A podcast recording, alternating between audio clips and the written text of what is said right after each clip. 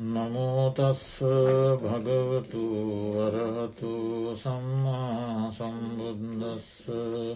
නමෝතස්ස භගවතු වරහතු සම්මා සම්බුද්දස්ස. නමෝතස්ස භගවතු වරහතු සම්මා සම්බුද්දස්ස.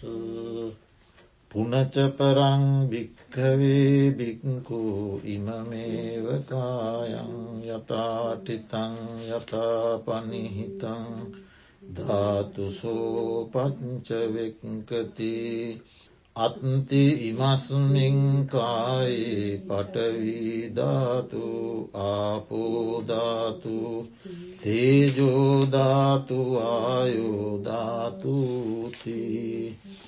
සෙයතාපි භික්කවේ දක්කෝ ගෝගාතකෝවා ගෝගාතකන්තේවාසීවා ගාවින් වදිත්වා චාතුම් මහාපතේ කිලසෝ විභජිත්වා නිසින්නෝ අසස ඒවමේවකෝ භික්කවේ භික්කු ඉමමේවකායන් යතහාටිතං යථාපනීතං ධාතුසෝ පච්ච වෙක්කති අත්ති ඉමස්මින්කායේ පටවිධාතු ආපෝධාතු තේජෝධාතු වායෝධාතුති. ඉති අජ්ජත්තංවා කායේ කායානු පස්සී විහරති බහින්දාවා කායේ කායානු පස්සී විහරති. අජ්ජත්ත බහින්දාවාකායේ කායානු පස්සී විහරති. සමුදය දම්මානු පස්සසීවා කායස්මින් විහරති. වය දම්මානු පස්සසීවා කායස්මින් විහරති. සමුද වයදම්මානු පසසීවා කායස්මින් විහරති. අත්තිකායෝතිවා පනසස සතිපච්චු පට්ටිතාහෝති යාවදේවඥානමත්තාය පතිස් සතිමත්තාය අනිසසිතෝච විහරති නචකින්චි ලෝකේ උපාදියති ඒවම්පිකෝ භික්කවේ භික්කෝ කායේ කායානු පසසී විහරතිති. එතකොට සතිපට්ටාන සූත්‍ර දේශනාවේ එන කායානුපස්සනා භාවනා කර්මස්ථාන අතර ඉගැන්වෙන ධාතු මනසිකාර කොටසයි අපි සජ්්‍යායනා කර ධාතු මනසිකාර පබ්බ. එතකොට මේ ධාතු මනසිකාරය සතිපට්ටාන සූත්‍ර දේශනාවේ සංක්ෂිප්ත කෙටියෙන්ද මහාරාහුලෝවාද ධාතු විභංග මහාහත්ති පදෝපම ආදී සූත්‍ර දේශනාවල විස්තරාත්මකවද දේශනා කරලා තිබෙනවා. කෙටි ක්‍රමය සහ විස්තලාත්මක ක්‍රමය. තිවුණු ලෙස නුවන ඇති දියුණු නුවනක් ඇති කෙනාට මේ කෙටි ක්‍රමයක් ප්‍රමාණමත්. එයාට වහා වටහා ගන්න පුළුවන් නුවන තිවුණුයි. එතකොට මධ්‍යහම ප්‍රමාණයේ නුවන ඇති කෙනෙකුට මේ කෙටිකමයට වඩා ටිකක් එහාට යන්න ඕන. ඒ නිසා ඒ මධ්‍යම නුවන ඇති කෙනාට තමා මහාහත්ති පදෝපම මහාරාහුලෝවාද ධාතු විභංගාදී සූත්‍ර දේශනාවල දැක්වෙන විස්තරාත්මක ක්‍රමය උගන්නලා තිබෙන්නේ. එතෝට ඒ අටුවාචාරීන් වහන්සේලා තමයි ඒ විදියට අර්ථ දක්වන්නේ මේ තිවුණු නුව නැති කෙනාට මේ ක්‍රමය මධ්‍යම නුව නැති කෙනාට විස්තර ක්‍රමය කියලා. එක කිසිදු වරදක් නෑ. අපි සාමාන්‍යයෙන් බැලුවොත් අපි යම් කිසි දෙයක් ඉගෙන ගන්නකොට ශිෂ්‍යයෙක් වශයෙන් හරි සමහර ශිෂ්‍යයෝ ඉන්නවා ඒකේ මාතෘකාව ඉදිරිපත් කළ පමණින් එයා තේරුම් ගන්න. සමහර ශිෂ්‍යයකුට එහෙම බෑ එක අර්ථ සහිතව කියල දුන්නම තමයි තේරුම් ගන්න. ඒ නිසා මේ අටුවාචාරීන් වහන්සේලාගේ අදහස අපි බොහොම අගේ කරන්නට ඕනෑ. එතවට දැන් අපි මේ සතිපට්ටාන සූත්‍රයේ ගෙන්වෙන ක්‍රමයයි සජ්ජායනා කළේ. ඒ අර්ථය අපි බලමු මහනෙන තවද වෙනත් කමටහනක් කියමි. දැ මෙතෙක් අපි කමටහන් කියාගෙන ආවන දැන් තවත් කමටහනක් කියමි. මහනෙන මහනතෙමේ මේ කය සිටි පරිදි පිහිට වූ පරිදි. ඒ කියන්න මොකක්ද දැ මේ කයේ අපි සිටින්නේ පිහිටවන්නේ ඉරියව් හතරකන සිටගෙන සිටීම වාඩිවී සිටීම නිදාගෙන සිටීම ඇවිදීම. ඉරියව් හතර ඒක තමයි මේ කියන්නේ. සිටි පරිදි පිහිට වූ පරිදි ඒ පවතින අවස්ථාවල් පවතින පරිදි. මේ කයෙහි පටවිධාතුව ඇත. ආපෝධාතුව ඇත. තේජෝධාතුව ඇත. වායෝධාතුව ඇතැයි ධාතු වසයෙන් වුවනින් සලකා බලයි. ඔන්න ද ශරීරයේ සලකා බලන්නේ ධාතු වසේ. ඔය ඉරියව් හතරේ කොතැනක හිටිය. මේ ශරීරයේ පටවිධාතුව තියෙනවා ආපෝධාතුව තියෙනවා තේජෝධාතුව තියෙනවා වායෝධාතුව තියෙන. කියල එයා සලකා බලන. මහනෙන යම්සේ දක්ෂ ගෝඝාතකයෙක් හෝ. ගෝඝාතකයෙකුගේ අතවැස්සෙක් හෝ. දෙනක මරා සතරමං හන්දියක කොටස් වශයෙන් වෙන්වෙන් කොට බෙදා හුන්නේ වේද. මහනෙන එපරිද්දෙන්ම මහනතෙම මේ සිරුරම සිටි පරිදි පිහිට වූ පරිදි. මේ කයෙහි පටවිධාතුව ඇත. ආපෝධාතුව ඇත. තේජෝධාතුව ඇත. වායෝධාතුව ඇතැයි ධාතු වසයෙන් නුවනින් බෙද බෙදා බලයි සලකා බලයි කියන එක යර්තය. එතකොට තැන් එතනින් අපිට ඉගෙන ගත යුතු විශේෂ කරුණු කීපයක් තියෙනවා. ගවඝාතකයෙක් හෝ ගවඝාතකයෙකුගේ සේවකෙක් අතවැස්සෙක්. යම් කිසි තැනකින් ගවයෙක් මිලට ගන්නවා. මිලට ගන්නකොටත් එයාට තිබ්බේ ගවයෙක් මිලට ගත්තා කියන සංඥාවන ගවයෙක් මම සල්ලිවට ගත්ත. දැන් එය ගවය අරගෙන යනවා. අරගෙන යනකොටත් එයාළඟ තියෙන්නේ ගවයා ගෙන යන්නේය ගවයා ගෙන යමි කියන සංඥාව තියෙන. ඊට පස්සේ ගවය අරංගිහිල්ල කනුවක ගැට ගහනු. එතකොට තියෙන මොන්න සංඥාවද. ගවයා කනුවක ගැට ගසමි කියන සංඥාව. තවම තියෙන ගව සංඥාවද ගව දෙන ගව දෙන පිළිබඳ සංඥාව. ඊළමට ඊළඟට මේ ගවයා වදයට පමුණුවන නැත්ත මරණ. මරණ කොටත් තියෙන මොන සංඥාව. ගවයෙක් මරමි කියන සංඥාව. ඊට පස්ස මේ ගවයා මෙයා මස් කරනවා. එතකොට ගවයා මස් කරමි කියන සංඥාවන තියෙන්නේ දැන් ඔය අවස්ථා පහේදීම ගව සංඥාවයට තියෙන්නේ. ගවයෙක් ගනිමි ගවයා ගෙනයමි ගවයා ගැටගසමි ගවයා මරමි ගවයා මස් කරමි. ඊට පස්සෙ දැම් මෙයා සතරමංහන්දියක තියලා මේ මස්කරපු ගවයා දැන් ඇට කැබලි අයින් කරලා හමායින් කරලා මස්කරපු මේ ගවය දැ විකුණනවා. විකුණනකොට දැම්ම යාට තියෙනවද ගවයෙක් විකුණම කියන සංඥාව දැන් තියෙනම ගද මස් විකුණනවා. දැන් ගව සංඥාවක් නෑ කිවත් වෙලා දැන් තියෙන මස් විකුණනවා කියන සංඥා. ඕකතම ඔය ඔය උදාහරණයෙන් බුදුරජාණන් වහන්සේ දෙන අර්ථය අටුවාචාරීන් විස්තර කරන්න වහන්සේලා විස්තර කරන ක්‍රමේ.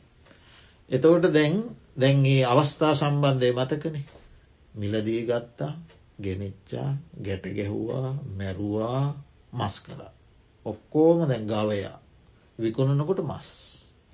ඒ වගේ දැන් ඒ වගේන අපිට මේ ධාතු මනසිකාරය වඩන්න කියන අන්න ඒ විදිහට. දැන් එතනින් මොකක්ද කියන්න. ගෝගාතකයා හෝ ගෝගාතකයාගේ අතවැස්සා තමයි භාවනා කරන යෝගිය භාවනා කරන කෙනා. මේ ධාතු මනසිකාරය වඩන කෙනා තමයි දැම්මේ ගෝගාතකයා හෝ ගෝගාතකයාගේ අතවැස්ස. ඔන්න දැන් එයා තමයි අපි භාවනා කරන කෙන. ඊළඟට එල දෙන තමා සත්ව සංඥාව. සත්ව සංඥාව. සත්වයා කියන හැඟීම. ද අපිළගේ හැඟීම තියෙනවන. මම මම කියන සත්ව සංඥාව මාලඟ තියෙන දැ මම යෝගිය. භාවනා කරන කෙන. එතවට මම තමයි දැන් ගෝගාතකය එල දෙන තමා මේ සත්ව සංඥාව ඊළඟට මේ එල දෙන අරංගිල්ල සතරමං හන්දියක තියලානේ මරන්නේ සතරමංහන්දිය සතරමංහන්දිය තමයි සතර ඉරියව් සතර ඉරියව් යෑම සිටීම වාඩිවී සිටීම නිදා ගැනීම. සතරමං හන්දිය. සතරමං හන්දිය තමයි දැම්ම විකුණන්. ඊළඟට බෙදා මස් කිරීම තමයි ධාතු වසයෙන් බැලී. බෙදා මස් කරන. එන ධාතු වසයෙන් බලන. දැන් ඔන්න මේ භාවනා යෝගයා මේ සතර ඉරියව්වේදීම මේ ශරීරය පටවිධාතු ආපෝධාතු තේජෝධාතු වායෝධාතු වසයෙන් බෙද බෙදා බලනකොට බලන්ඩ ඉස්සර මෙයාට තිබ්බ සත්ව සංඥාව. මම මේ මමන. මේ ගණ සංඥාවකින් දැම් වැහිල තියෙන මම. එයාට පේන්න මේක මේ පට විධාතු තියනොය ආපෝධාතු හෙම දකින්නේ එයා මම ඉස්සරට යනොම කනුව මන මම බොනවා මම කතා කරනවා යනවා මම නානවා. මම ආවල් කෙනෙක්. මම මම උසස් කුලේ අරිකා පහත් කුලේ මම අසවල් ජාතියේ අනිකා පහත් ජාතියේ. ඔය විදිහි මහා හැකීම් ගොඩක් නතියෙන්නේ මම ගැන. සත්ව සංඥාව. මම මම මම මම ඔක්කොටම මුල. එතකොට දැන් දැම්මයා මේක බෙද බෙදා බලන්ඩ පටන් ගත්තම දැම්මයා බෙදන්නේ මොකක්ද මේ? මම තම මේ බෙදන්නේ. මේ මමන මේ බෙදන්න. මේ මම කියලා කියන සත්වයා තුළ මොනවද මේ තියෙන්නේ. මෙන්න පට විධාතු ගොඩත් තියෙන. මෙන්න අපෝධාතු ගොඩත් තියෙන. මෙන්න තේජෝධාතු ගොඩත් තියෙනවා.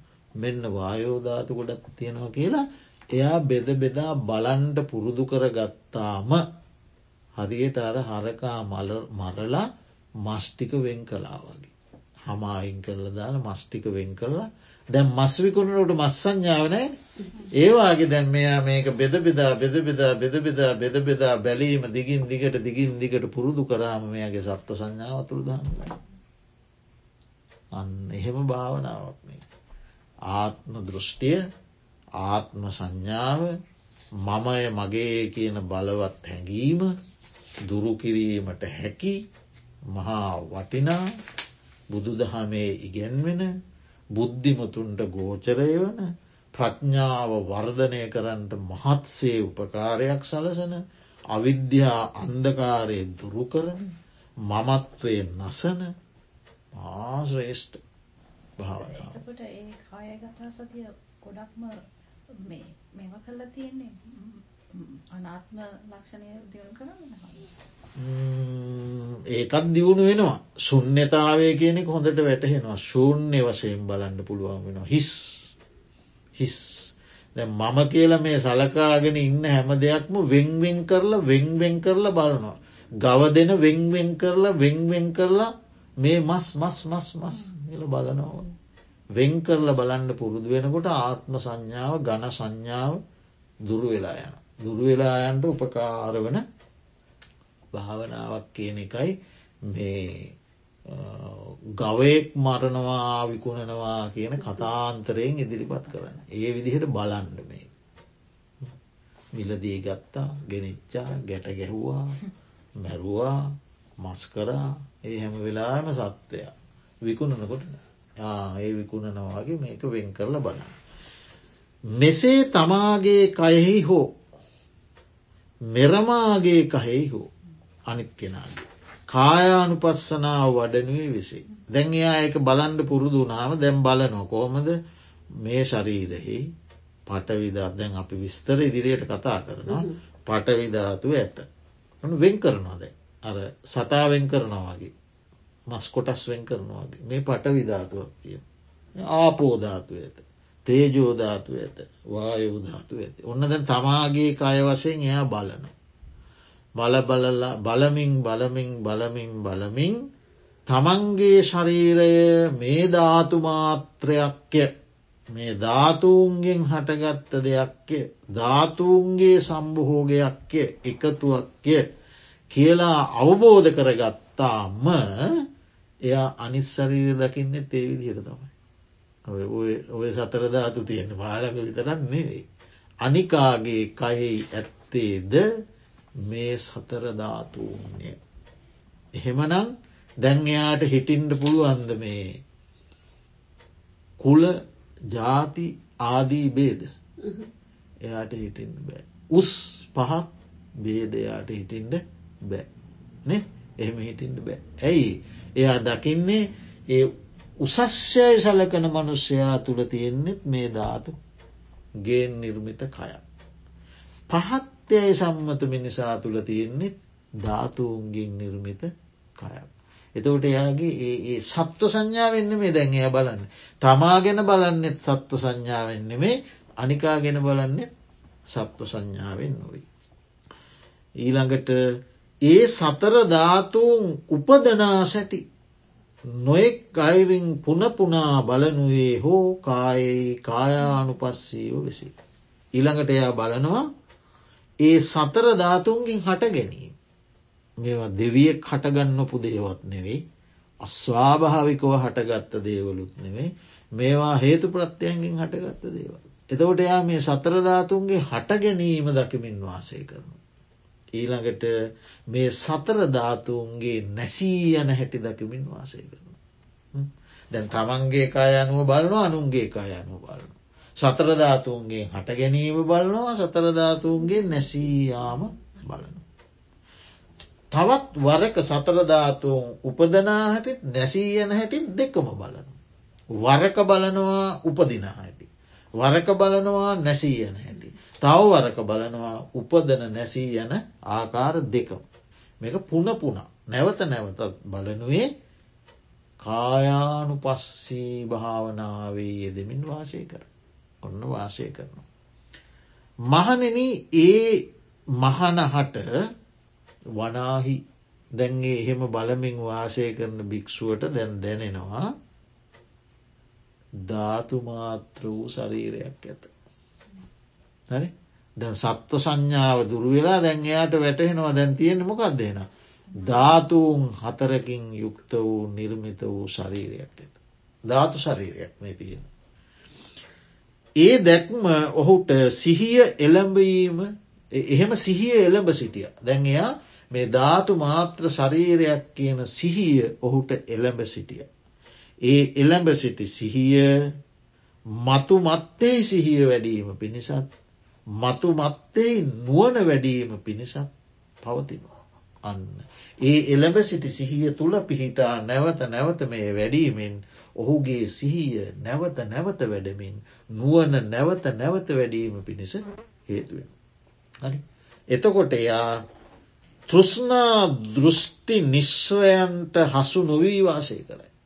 දැන් එයට තන්නහයෙන් අල්ලන්න දෙයක් මෙතන මොකුත් තන්නාවෙන් අල්ලන්න දෙකුත් නෑ මම මගේ කියලා දෘෂ්ටිවලින් බැඳන්න දෙකුත් නෑ. හරි මෙතකොට මානයෙන් මනින්න දෙකුත්.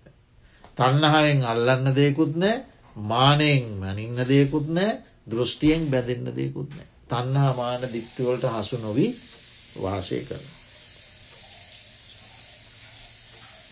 ලොව කිසිත් තෘෂ්ණා දෘෂ්ටි වශයෙන් ආත්ම ආත්මීය වශයෙන් නොගනි. දැන් එයා ලෝකයේ කිසිවක් තෘෂ්ණා දෘෂ්ටි වශයෙන් හෝ ආත්ම වශයෙන් හෝ ආත්මීය වසේ එකන මම වශයෙන් හෝ මගේ වශයෙන් නොගනි මහනෙන මෙසේත් මහනතෙම කයෙහි කායානු පස්සීව වාසය කරයි. එපමණයි බෝම කෙටි විස්තරයක් ඒ ධාතු මනසිකාර කොටසේ තියෙන්නේ හැබැයි විස්තරය කෙටි වුණාට අපිට මේ ඇතුළත තියෙනවා දින ගණනාවක් කතා කළ යුතු කරුණු. බොහෝ කතා කළ යුතු කරුණු තියෙන. දැන් අපිට අර උපමාව මතකන ඒක හොඳට මතක තියාගන්නට ඕන. ඊළඟට දැන් මේ විදිහට යම්කිසි කෙනෙක් මේ ධාතු මනසිකාරයෙහි යෙදෙනවන්නම් එයා ශුන්්‍යතාවේ දකින ශූන්‍යතාවේ හිස් බව එකන්නේ ආත්ම වශයෙන් මේක ගතයුතු දෙයක් නෑ ශුන්්‍යය. හරි සාර වශයෙන් ගතයුතු දෙයක් නෑ ශුන්්‍යය. සුක වශයෙන් ගතයුතු දෙයක් නෑ ශුන්්‍යයයි. හෙම දකිනවා. ඇයි? හිස් බවක් දකින්න ශූර්ණ්‍යතාව. එතවට සත්ව සංඥාව දුරුවෙන.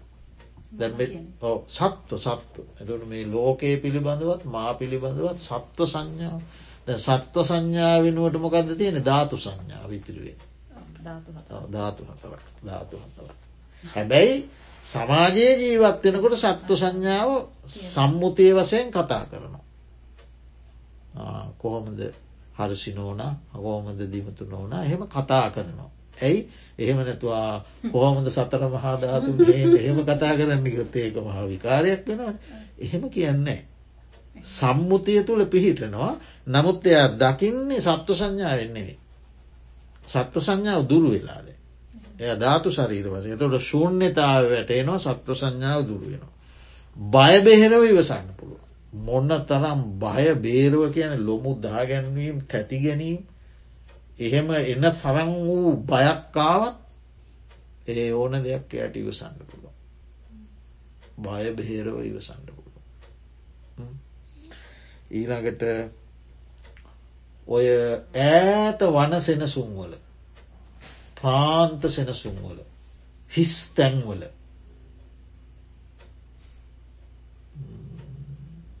වාසය කිරීමේ නොයල්මක් තියෙනවනි ලෝකයට. ලෝකය කැමති බොහෝ දෙනා එකට එකතු වෙලා නිකං ආශ්‍රය නිශ්‍රය කරමින් ජීවත්වෙන්ටන කතාබා කරමින්. එක ලෝක ස්වභාවයක්. ඒකට තමයි කැමති. ඈත දුර බැහැර වනසනකුරක හිස් තැනක කාත් කවුරුවක් නැතුව ඉන්ඩ මිනිසා කැමති නෑ. ඒකට කියනවා ප්‍රාන්ත සේනාසනවල නොඇල්ම කියලා ඇල් ඇල්මක් නෑ. එයා කැමති මේ බොහෝ දෙනා එක එකට ඉන්න තමයි කැමැත්ත එක මිනිස් ස්වභාවය. එතකොට අන්නේ නොයල්ම දුරු වෙලා යනවා. දැන් එයා ප්‍රාන්ත සේනාසනවලට ඇලෙනවා. ඇයි මේක වඩන්න හරි ලේසී නතන. මේ ධාතු මනසිකාරය වඩනකොට ප්‍රාන්ත සේනාසනෝල නොයල්ම එකට ගෙන අරතිය කියලා. ඒ අරතිය දුරු වෙලා යන. නොයල්ම දුරු වෙනවා. පස්කම් සැපතෙහි තියෙන ඇල්මත් දුරු වෙලා යන. ප්‍රාන්ත සෙනසුන් වල නොයල්මත් පස්කම් සැපතෙහි ඇල්මත් දෙකම දුරු වෙලා යන. දැ ඇලින්න පංචකාම සම්පන. ඊළඟට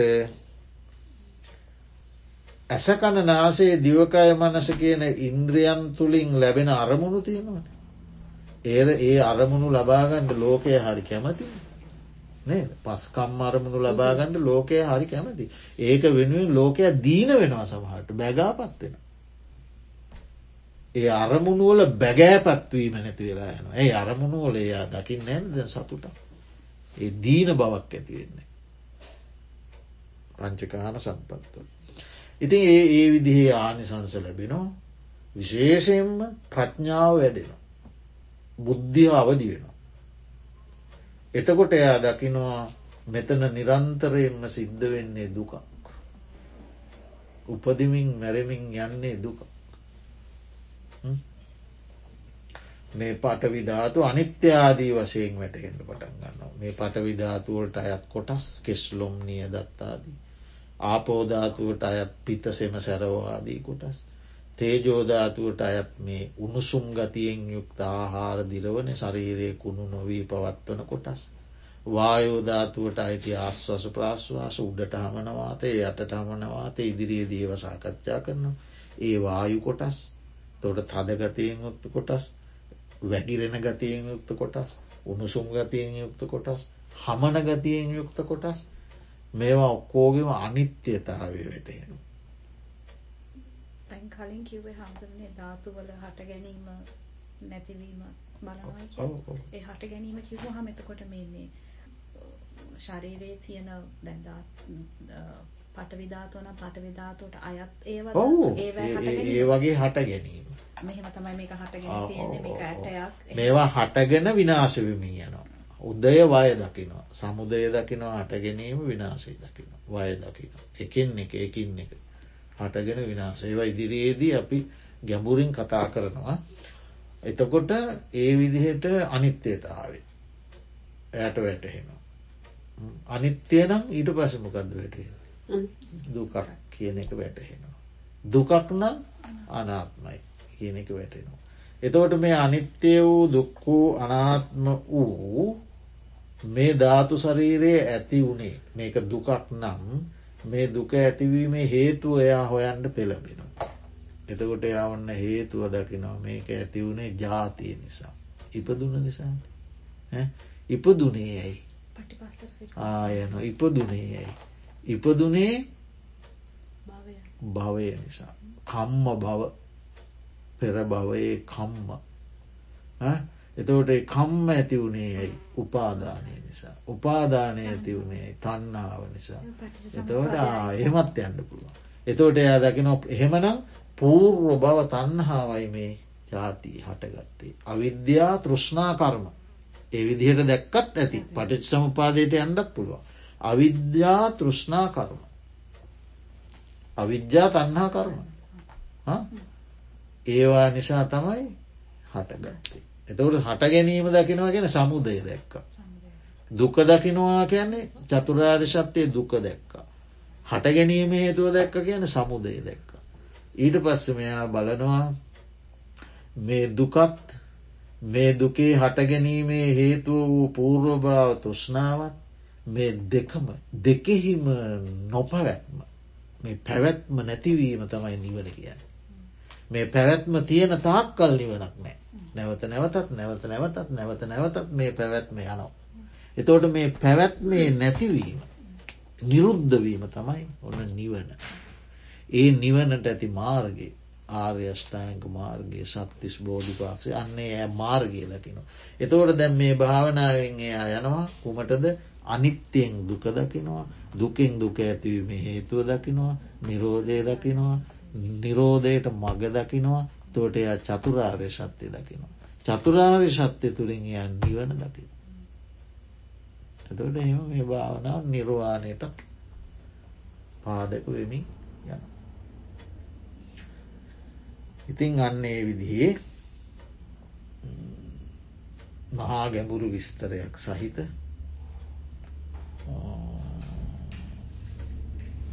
ධාතු මනසිකාර පබ්බය කොටස එහි මාතෘකාව මූලික හැඳින්වීම තමයි අදාපියෝ කළේ. තෝට ඉදිරියේදී ඒ කොටස් වශයෙන් බෙදන හැටි ඊට පස්සේ ඒ වගේ තියෙනවා මේ සසම්භාර සංකේප සසම්භාර විභත්ති ඊළඟට සලක්කන සංකේප සලක්කන විභක්ති ආදී වශයෙන් බලන ක්‍රමතියෙන. ඒ යන්නේ ධාතු කොටස් වශයෙන් අරගෙන ඒ ධාතු කොටස් වල ඇති උත්සන්න ධාතුව. බලවත්ව ඇති ධාතුව දැන් කෙස්වල ගත්තොත් කෙස්වල බලවත්ව තියෙන ධාතුව පටවිධාතුව එහෙම උත්සන්න ධාතුව අනුව භාවනා කරනවා. උත්සන්න ධාතුව බලමින් මෙනේ කරන කෙස් පටවිධාතුවකි ලොම් පටවිධාතුවකි නියපොතු පටවිධාතුවකි දත් පටවිධාතුවකි හම පටවිධාතුවකි. එහෙම උත්සන්න වසයෙන් එර බලනු. ඊළඟට ඒක එක එක එක එක එක එක කොටස වෙන් කරලා ඒ වෙන්කොල්ල කොටස්වල ලක්ෂණ දකිමින් භාවනා කරන. එ විස්තරාත්මක ක්‍රම ඊළඟට ඒ ඒ විසිආකාර දොළොස්සාකාර හයාකාර හතරාකාර කොටස් වෙන් කරගෙන ඒ ඒ කොටස්වල තියෙන ධාතු හතරම බලන. මේ හැම උත්සන්න ධාතුව පටවිධාතුව වනත් මේකේ අනිද්ධාතු තුනක් තියෙනවා. ඒවා උත්සන්න නෑ. දැන් පිත ගත්තොත් පිතේ උත්සන්නම ධාතුව ආපෝධාතුව වනත් අනිද්ධාතු තුනක් තියෙනවා. අන ඒ විදිහට තව තව බෙද බෙදා බලන. එහෙම එහෙම ඉතින් මේක බොහෝම විස්තර විස්තර වශයෙන් අටුවාචාරයෙන් වහන්සේලා තමයි ඒව විස්තර කරලා තියෙන විස්තර වශයෙන් බලන.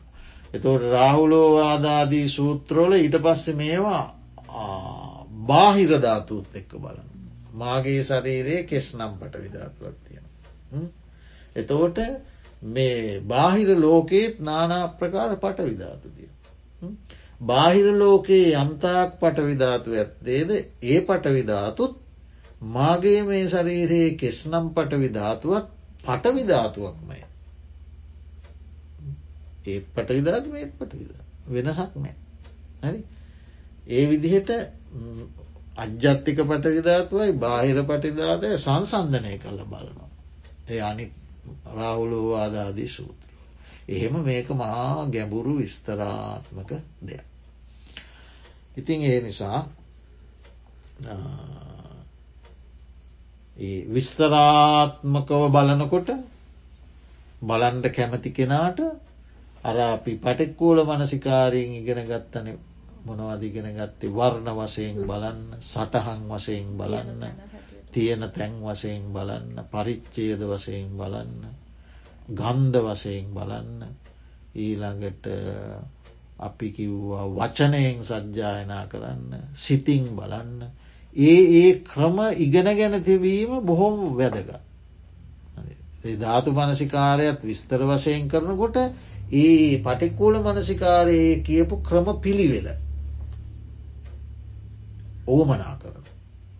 එතකොට තමයි අත්තිමස්මින්කායේ කේසා පටවිධාතුූ කියනකොට මෙතෙන්ට හිත යනවා. තියෙන තැනට මේ දෙකන් සිලුවලින් මේ උකුණු වලින් මෙම වෙන් වෙලා මෙතනයි මේ තියෙන්නේ. මේක කළු පාටය. ඒ විදිහට ඒ සිතට නැගෙන්නේ.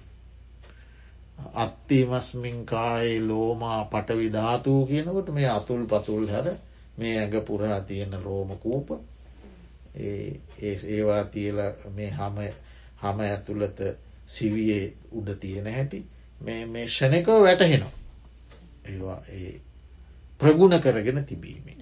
ති ඒ විදිහට ඉතින් ක්‍රමාණුකූලුව වැඩිය යුතු ඊළඟ දවසේදී අපි මේ ඊළඟ පියවලට යමු අද අපි ධර්ම මේ දේශනාවට කලින් බොහෝ වේලාවක් ධර්ම කරුණු වෙනත් දේවල් සාකච්ඡා කළා ඉතින් මෙතෙක් වෙලා ඒ ධර්ම කරුණු සාකච්ඡා කිරීමෙන් මේ සතිපට්ඨාන සූත්‍රයේ ධාතු මනසිකාර පබ්බයේ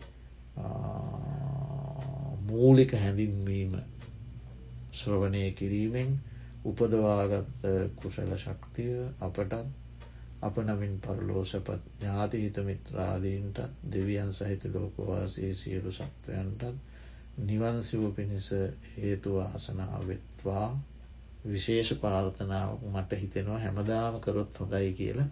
මොකද ඒ කාලෙ ලහිත් තිබුන්නේ ඒ කාලෙ පරිගණකය තිබුන්නේ ඒ කාලේ තාක්ෂණය තිබුන්නේ ඒ කාලයේ සීතල සීතලෙන් ආරක්ෂාවීම සඳහා විදුලි එලියෙන් නිවාස උණුසුම් කිරීමක් තිබුන්නේ. උණුසුමෙන් ආරක්ෂාවීම පිරිස නිවාස මොනවාදේකට කියන එයාකන්ඩිෂන් තිබුන්නෑ සීත කරන තිබුන්නෑ කිසි දෙයක් නැති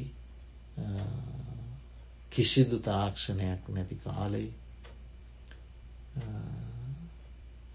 බුදුරජාණන් වහන්සේ දේශනා කළ මේ මහා පරම ගම්බීර ධර්මය කුප්පිලාම්පියෙන් පාඩන් කරමින් ලන්තඇරුමින් පාඩන් කරමින් පරම්පරාවෙන් පරම්පරාවට ගෙනේමින් අදාපිට බොහොම පහසුවෙන් ඉගෙන ගණ්ඩ පුළුවන් අවශ්‍ය විදියට මේ සකස් වෙලා තියෙන තැන දක්වා මේ දක්වා මේ ධර්මය සුරක්ෂත් සුරක්ෂිත කිරීම සඳහා මහත් පරිශ්‍රමයක් දැරු. ඒ අතීතයේ වැඩ සිටි සියලූම ධර්මකාමී මහා සංග පරපුරට අපි මේ පින් අනුමෝදන් කරන අතර ඒ සියලු දෙනාගේ සංසාර ගමන සුවපත් කරගෙන නිවන් අවබෝධ කරගන්නට අපටත් ඒ සැමටත් එකසේම හේතුවාසනා වේවා කියල පාර්ථනක්.